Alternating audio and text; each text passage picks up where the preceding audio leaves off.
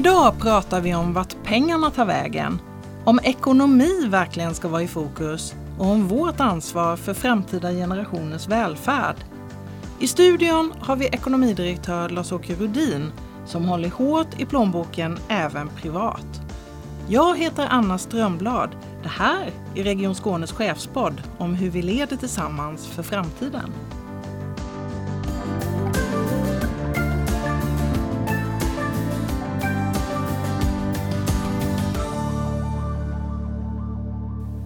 Välkommen hit Lars-Åke Rudin. Tack. Region Skåne omsätter varje år 44 miljarder. Det är ju helt ofattbart mycket pengar. Vad lägger vi dem på egentligen om du skulle svara? Ja det absolut mesta lägger vi på sjukvården. Vi lägger drygt 37 miljarder per år på sjukvård. Eh, trafiken kostar en del också. Lite drygt 3,5 miljarder. Och sen är resten lite fastigheter, lite service. Men absolut den största delen är sjukvård. Mm. Jag tänker att vi ändå, när vi pratar om pengar, så förra året, eh, 2019, så gick ju Region Skåne med plus. Vi gick med en miljard i överskott, också otroligt mycket pengar. Mm. Eh, det som är lite svårt kanske att få hänga ihop med det här är att vi har ju då att vården går back och det blir kärvare och kärvare och samtidigt går vi med vinst eller överskott. Hur, hur går det ihop? Vad händer med den här vinsten egentligen? Ja, vi går med, för det första går vi inte med vinst utan vi går med ett överskott. Ehm, det överskottet använder vi för att täcka de gamla underskott som vi har. Det är så att eh, vi har en, en ehm, skuld som är eh, nästan 40 miljarder. Det vill säga vi har gjort av med 40 miljarder mer än vad vi har haft under de, de senaste åren. Och det innebär ju att om vi går med ett överskott med en miljard så tar det ungefär 40 år att vår generation betalar för sina kostnader. Som det är idag så skjuter vi kostnaderna på nästa generation. Och det tycker inte jag är rimligt att kommande generationers skattebetalare ska betala för den vården som vi faktiskt har haft. Så 40 miljarder är skulden idag. Mm, och du, jag har ju hört dig prata ibland om det här med framtida generationer. Jag har någon gång kallat dig för Region Skånes Greta Thunberg till och med. Vad, vad tänker du om det? Eh, jag tycker att, jag tycker det i sig, ehm, jag blir lite glad för det faktiskt. För jag tycker att en av mina uppgifter som ekonomidirektör är faktiskt att, att se till att varje generation betalar för sitt. Och så har det ju inte varit historiskt. I fjol var ett lysande undantag när vi faktiskt redovisade ett, ett, ett bra överskott. Men det är väl också det första året på många, många år som vi har redovisat överskott. Sammantaget då 40 miljarder i underskott. Och när vi pratar om framtida generationer så vet jag att du, du själv blev morfar här för någon vecka sedan för första gången. Hur, hur påverkar det din syn nu på, på hur du ser på framtida generationer? Egentligen så påverkar inte min syn speciellt mycket men att nu har jag faktiskt fått ett, ett, ett tydligt exempel på framtida generationer och eh, det här med morfar det, ja, det är nästan så jag söker mig fortfarande även om det är en hel vecka sedan nu va? men eh, fantastiskt roligt. Och eh, jag kommer enträget att påstå att varje generation ska bära sina kostnader. Inte minst för att mitt barnbarn ska slippa betala det jag har förbrukat. Eh, annars så pratar vi mycket om att vi hela tiden behöver mer resurser för att vi ska klara framtidens värld, välfärd. Eh, och det, det, kan man ju fundera över, hur, hur ska det gå till då? Hur ska vi klara framtidens välfärd om vi, om vi ändå bara står i skuld och måste betala tillbaka? Jag tror, inte, jag tror inte att lösningen är mer resurser utan jag tror faktiskt lösningen är att vi måste hitta ett annat sätt att, eh, att jobba. Eh, SKR då, Sveriges kommuner och regioner har ju gjort eh, bedömningar om hur den framtida arbetskraften ser ut. Och det är ju inte så att det kommer att finnas ett uppsjö av medarbetare. Även om vi skulle ta alla nya medarbetare som kommer ut i arbetslivet till vården så kommer det ändå inte räcka. Alltså måste vi hitta ett annat sätt att jobba på. Hur eh, tänker man då när det gäller det här med pengar? För för du som ekonomidirektör som liksom ändå håller i Region Skånes plånbok, eh, är, eh, är det många som blir arga på dig för att de inte får mer pengar? Jag uppfattar inte det på det sättet. Jag, jag tycker att i den dialogen som jag har framförallt med sjukvårdsföreträdare, att jag försöker förklara hur jag ser på det och jag uppfattar att vi har en, eh, faktiskt en ömsesidig respekt. Eh, vi har en grundtes att man kan inte göra av med mer pengar än vad man har. Det gäller ju samma sak hemma i hushållsekonomin. Och jag tycker mycket när det gäller ekonomi är faktiskt eh, Ibland så tycker jag att vi gör det svårare än vad det är. Eh, för mig är ekonomi oerhört enkelt. Det är vanlig hederlig hushållsekonomi. Låt gå för att 44 miljarder är naturligtvis hisknande siffror. Men det är samma sak. Det är inkomster och utgifter. Det måste vara balans mellan dem. Och så länge utgifterna historiskt överstiger inkomsterna så måste det här betalas tillbaka på något sätt. Och då är vi, är vi där igen med kommande generationer. Så det finns ingen hemlig skattkista någonstans som man kan ta till? Eh. Jag har inte hittat den i alla fall. Men är det någon som mot förmodan vet var den är så ring gärna och tipsa. Ni kan få mobilnumret efteråt. Mm. Eh, nu är det ju inte bara, bara du som sitter på pengarna kan man säga utan det är ju, det är ju också, vi har ju en politik som fattar beslut om, om hur den ekonomiska fördelningen ska gå till. Hur, hur fungerar det samspelet? Jag tycker det fungerar väldigt väl. Eh, jag tycker att jag som eh, ekonomitjänsteman, min uppgift är att försöka förklara eh, för politiken hur den hänger samman. Jag uppfattar att man är lyhörd, man lyssnar och sen tycker jag man, gör, man försöker göra så gott man kan.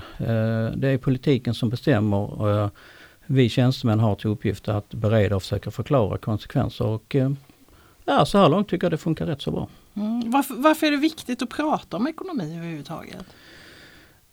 Ja, alltså det är inte viktigt att prata om ekonomi i och för sig utan det som är viktigt är att prata om vad man får för pengarna. Alltså, alltså vilken vård kan vi få för pengarna och hur kan vi då få mer, mer, eh, mer vård för samma peng? Det är egentligen det det handlar om.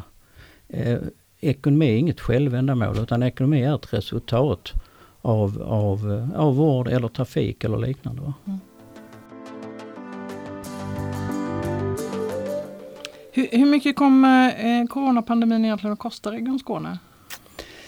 Det är en omöjlig fråga att svara på. Det vi hittills har, vi har återsökt, ifrån staten har vi återsökt eh, 1,1 miljarder. Eh, det är kostnader som är eh, hänförliga till sjukvård på olika sätt.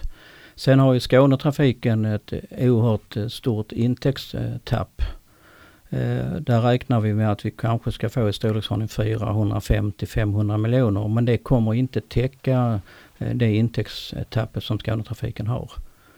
Eh, vi har ett intäktsbortfall på folktandvården som vi inte får återsöka ifrån staten. Vi har ett intäktsbortfall från Malmö Opera som inte heller får återsöka.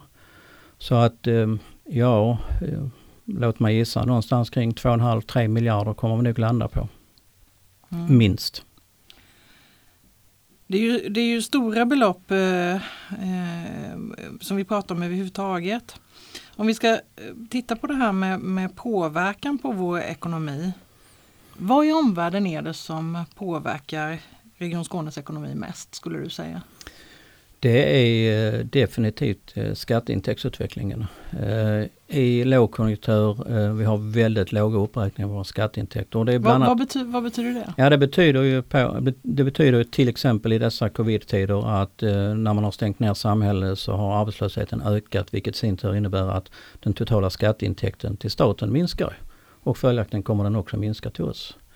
Eh, som exempel kan man då nämna att, att eh, staten gjorde en satsning här i början på året på att man skulle öka välfärden till regionerna. Det som hände var ju ganska snabbt när den satsningen tillkännagavs var ju att sen kom ju covid. Vilket med automatik innebar att skatteintäkternas, eller skatteintäktsökningen inte blev så hög som vi förväntade oss. Så den åts ju mer eller mindre upp av den välfärdssatsningen som staten eh, presenterade. Så skatteintäkterna är absolut den enskilda eh, beståndsdelen som är viktigast för oss. Nämligen att, att folk är i arbete så att folk kan betala skatt. Det är viktigt. Mm. Vad, vad, vad, kan vi faktiskt påverka själva när det gäller vår ekonomi? Ja, vi kan, det vi kan påverka är ju allting utom eh, egentligen skatteintäkterna. Eh, vi kan ju påverka våra kostnader. Vi kan försöka att eh, bli effektivare. Vi kan ju till viss del påverka intäktssidan på trafiken genom eh, biljettintäkter och liknande. För det är det som, det äger ju regionen själv, vilka priser man ska ta ut. Ehm, så, så det kan man påverka. Skatteintäkterna är svårt att påverka. Eh, Eftersom vi har ganska långt utgående skatteutjämning mellan kommunerna också. Så att även om skattekraften i en, i en kommun, region ökar så har vi ganska långtgående eh, utjämning som innebär att vi får ändå inte behålla hela delen.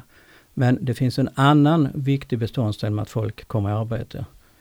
Inte bara att man ökar, att man ökar skatteintäkterna utan det är också faktiskt så att folks välbefinnande ökar och ökar folks välbefinnande så minskar också sjukvårdens kostnader. Det finns ett tydligt samband. Tyvärr så kan man väl säga att det är alltid lätt att vara efterklok men, his, men vi har historiskt inte varit speciellt duktiga på att jobba med förebyggande hälsa. Eh, för problemet med förebyggande hälsa är att eh, effekterna eh, syns så långt framåt i tiden så att eh, eh, därför finns det eh, en, en risk att man, man låter bli de frågorna. Men man borde, man borde ha jobbat med dem betydligt mer. Vi lägger ju ganska stor in, eh, andel av, av eh, budgeten i Region Skåne på, på att eh, behandla eller jobba med promotion och diagnostik och preventiva insatser. Hur ser, hur ser du på det? Borde vi göra annorlunda? Ja med facit i hand så tror jag man borde göra annorlunda. Men jag tror man borde ha ökat det. Va? Men det är samma sak där att hoppsa, inkubationstiden är så lång innan vi ser effekter där. Va? Och vi har hoppas, fyraåriga valsystem. Mm.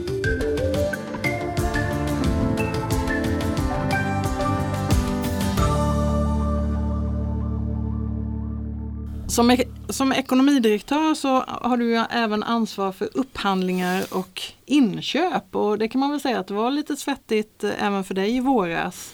Vi hade rubriker som alarmerande brist på skyddsutrustning och att det var huvudlöst att vi inte hade beredskapslager eh, som några av rubrikerna. Eh, eh hur, hur hanterar du den här situationen? Ja, för det första så blev jag ju med inköp så sent som i, i höstas, alltså hösten 19 och det kan man väl säga att det var väl ingen människa som kunde ana att, att jag skulle hantera en, en, en pandemi. Nu har jag inte hanterat det för jag har haft fantastiskt duktiga medarbetare på inköp som har gjort ett fantastiskt jobb. Vi hade en, en inledningsvis... Eh, när du, när du säger att du blev med inköp betyder det att den eh, avdelningen alltså ja, precis. nu tillhör ja, din... Precis. Eh, ja, den tillhör numera, ekonomi inköp ja. är numera en gemensam avdelning och så var det ju inte tidigare. Mm. Eh, det jag skulle säga var att eh, medarbetarna på inköp gjorde ett fantastiskt jobb. Vi hade inledningsvis eh, var det lite, lite brist men det, det mesta löstes relativt snabbt och idag är det väl, det är väl ingen hemlighet men idag har vi absolut ingen brist utan nu har vi snarare problem med att nu har vi lite väl, välfyllda lager. Så då eh, spelar ingen roll hur man vänder sig för man har ändå rumpan bak. Just nu har vi problem med vad vi ska göra med allt material som vi har. Mm. Och det här, det här handlar ju om eh, upphandling och eh, det är ju en del av, vår inköpsorganisation. Eh, Region Skåne var ju i, lite blåsväder alldeles nyligen när det gäller just det här med, med inköp. Och vi köper ju tjänster och produkter för enorma summor varje år. Mm, det var uppmärksamhet i media kring en upphandling som, som ledde till polisanmälan mm. för misstänkt korruption. Hur, hur ser du på, på det med upphandling och vad, varför är det så viktigt? Ja det finns ju, för det första, det finns ju flera olika skäl till det. För det första så tycker jag man hela tiden måste fundera på vad är det för pengar vi hanterar. Det är skattebetalarnas pengar. Då är det för mig ganska självklart att man gör, att man gör rätt. Jag tror att när det gäller upphandlingssidan tror jag vi har ytterligare ett steg att ta. Jag, jag tror att vi måste få, få verksamheten att förstå att upphandling är ingenting som man bara hittar på. Man ringer inte till en leverantör och beställer. Jag tror nämligen att här också finns väldigt mycket pengar i detta. Alltså positiva pengar. Jag tror att man om, man gör upphandling, om man gör det på ett korrekt och bra sätt, så tror jag att man kommer få lägre kostnader också. Eh, vi märker det i, i dessa covid-tider. Eh, det finns ju, och det är ju alltid när man hamnar i kris som man märker saker och ting som saknas. Vi märker ju nu att det fanns ett antal produkter, kritiska produkter, som faktiskt inte var upphandlade centralt. Utan som var upphandlade av, av eh, olika förvaltningar. Och jag är inte kritisk mot att, att förvaltningarna gjorde det, för det var bättre att de gjorde det än att ingen gjorde det. Men det vi måste titta på framöver, vi måste ha mer av centrala regionala upphandlingar. Många upplever ju att det kan vara lite krångligt med upphandlingar. Hur arbetar vi då så att alla upphandlingar går rätt till? Jag tror inte det är så krångligt om jag ska vara ärlig. Eh, eh, det kan upplevas som krångligt men vi har experter som är experter på upphandlingar. Om vi låter våra experter på upphandlingar göra upphandlingarna. För dem är det inte krångligt. Men då måste vi ha lite respekt för varandra. Det kan inte vara så att vården tvunget vill ha eh, den respiratorn och det fabrikatet. Utan vi, vi måste låta upphandlingsexperterna hjälpa oss att göra det på ett korrekt sätt. Sen ska vården hjälpa till att kravställa så det blir rätt respirator eller vad det nu är för någonting. Men låt upphandlare göra upphandlingar och låt vården kravställa. Tvärtom tror jag blir en katastrof. Många handlar ju utan avtal. Vad skulle det göra för skillnad om vi hade avtal? Det är samma sak där. Ju, ju, ju mer produkter vi har avtal på och desto större volymer vi har desto lägre pris får vi. Det är ganska självklart. Eh, sen så finns det alltid de som påstår att ketchupen är billigare på ICA. Men det man gärna glömmer bort är att man som, som medarbetare går och handlar på ICA. Det kostar också tid. Så att jag tror att ju mer vi kan få, mer vi kan få upphandlat och ju mer vården kan vara med och kravställa, desto billigare kommer det bli. Enligt min uppfattning så är det här lite gratis pengar det här. Eh, eh, det är inte lika jobbigt att, eh, att försöka spara de pengarna. Du har ju pratat här om positiva pengar och gratispengar. Det mm. låter som att det är en av de delar där vi faktiskt skulle kunna påverka mer själva. Ja definitivt. Nu kommer jag inte ihåg exakta siffran men det finns stora potentialer fortfarande som ännu inte är, som inte är upphandlat där, där vi skulle kunna hämta hem pengar för att hjälpa till att täcka de underskott vi har. Nu har vi ju haft, och det har varit eh, framlyft också, att vi har haft konsulter inne för många miljoner för att bli bättre på att eh, tillvarata medarbetarnas eh, kapacitet och kompetens. Men varför gör vi inte det jobbet själva? Varför har vi konsulter inne? Jag tror det är egentligen två skäl. Det ena skälet är att man blir ytterst sällan profet i eget hus. Jag tror att vi på ekonomiavdelningen har många gånger pekat på ett antal eh, fenomen men som ingen riktigt har trott på. Det är det ena skälet. Jag tror att det är bra om utomstående ögon eh, tittar på saker och ting. Det andra skälet är att eh, de här konsultfirmorna är extremt eh, snabba och eh, de ägnar sig bara åt detta vilket gör att vi får mycket eh, value for money. Det vill säga det går betydligt fortare. Vi roar med att titta på om vi skulle gjort det här själv eh, till den prislappen. Det hade tagit väldigt lång tid och det hade krävt en oerhört ökad administration. Men vad kan de berätta om oss som vi inte själva vet? De kan berätta, de kan ge oss ett ordentligt faktaunderlag, eh, en ordentlig analys om, om hur saker och ting skiljer sig mellan eh, de olika sjukvårdsförvaltningarna eller, vi pratade inköp tidigare, de har också varit inne och tittat på. Hur skulle vi kunna öka volymen upphandlade tjänster.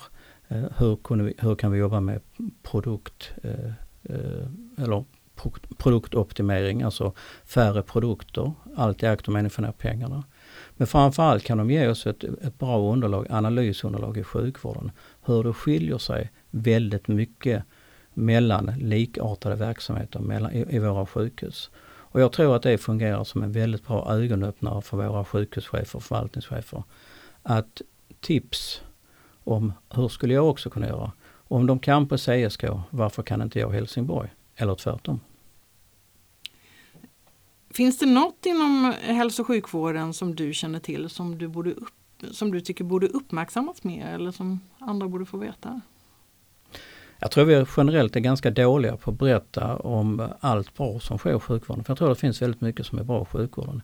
Det finns också en myt om att man alltid ska åka till andra sidan eh, jordkloten för att titta på eh, hur bra saker och ting var. Jag tror man skulle kunna gå in till grannvårdavdelningen och titta vad de har gjort någonting. Och jag tror också att vi ibland ska sluta tro att alla är så unika. Jag tror att vi kan lära oerhört mycket av varandra. Har du själv någon erfarenhet eh, av Region Skåne som patient eller närstående som, som eh, du tycker är värt att dela med sig av? Ja, hittills har jag ju så personligen ingen erfarenhet för jag har varit hittills frisk. Man får väl säga peppar peppar ta trä. Men jag har en eh, gammal far som är eh, 94 år i drygt och eh, som sköter sig själv som har eh, för några år sedan fick en stroke och jag kan säga det att eh, han låg då på SUS Malmö och där ägnar man sig definitivt inte åt, åt åldersdiskriminering. Han var garanterat den äldste patienten men han var också den som låg, låg kvar längst. Eh, sen har jag som sagt precis blivit morfar och eh, eh, har ju hört en del av mina, min dotters berättelser om hur det går till när man, eh, när man gör ultraljud till exempel. Och eh, de här covid-tiderna och hur viktigt det är med besöksförbud och liknande som jag inte riktigt förstår.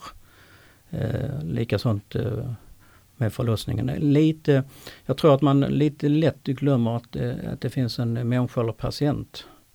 Eh, sen förstår jag naturligtvis att det är viktigt att man måste undvika smitta men eh, en del av de exemplen som jag får mig till livs blir jag lite förvånad över. Tycker du att du har nytta av det, de här berättelserna som ekonomidirektör?